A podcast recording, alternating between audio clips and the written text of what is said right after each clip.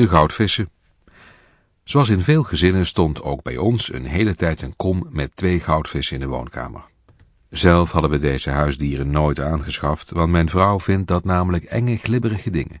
En bij de gedachte aan het moeten schoonmaken van een vissenkom lopen de rillingen al over haar rug.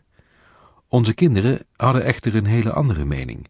En in een onbewaakt ogenblik hadden ze oma zover gekregen om voor hen goudvissen te kopen.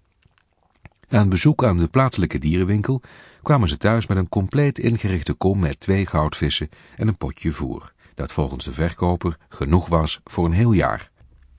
De kom werd op een prominente plaats in de woonkamer neergezet en de kinderen zeiden toe dat zij de verzorging op zich zouden nemen. Iedere ochtend kregen onze zwemmende huisdieren Blub en Bluppy wat voer en als er bezoek kwam lieten de kinderen even zien hoe dat voer in zijn werk ging.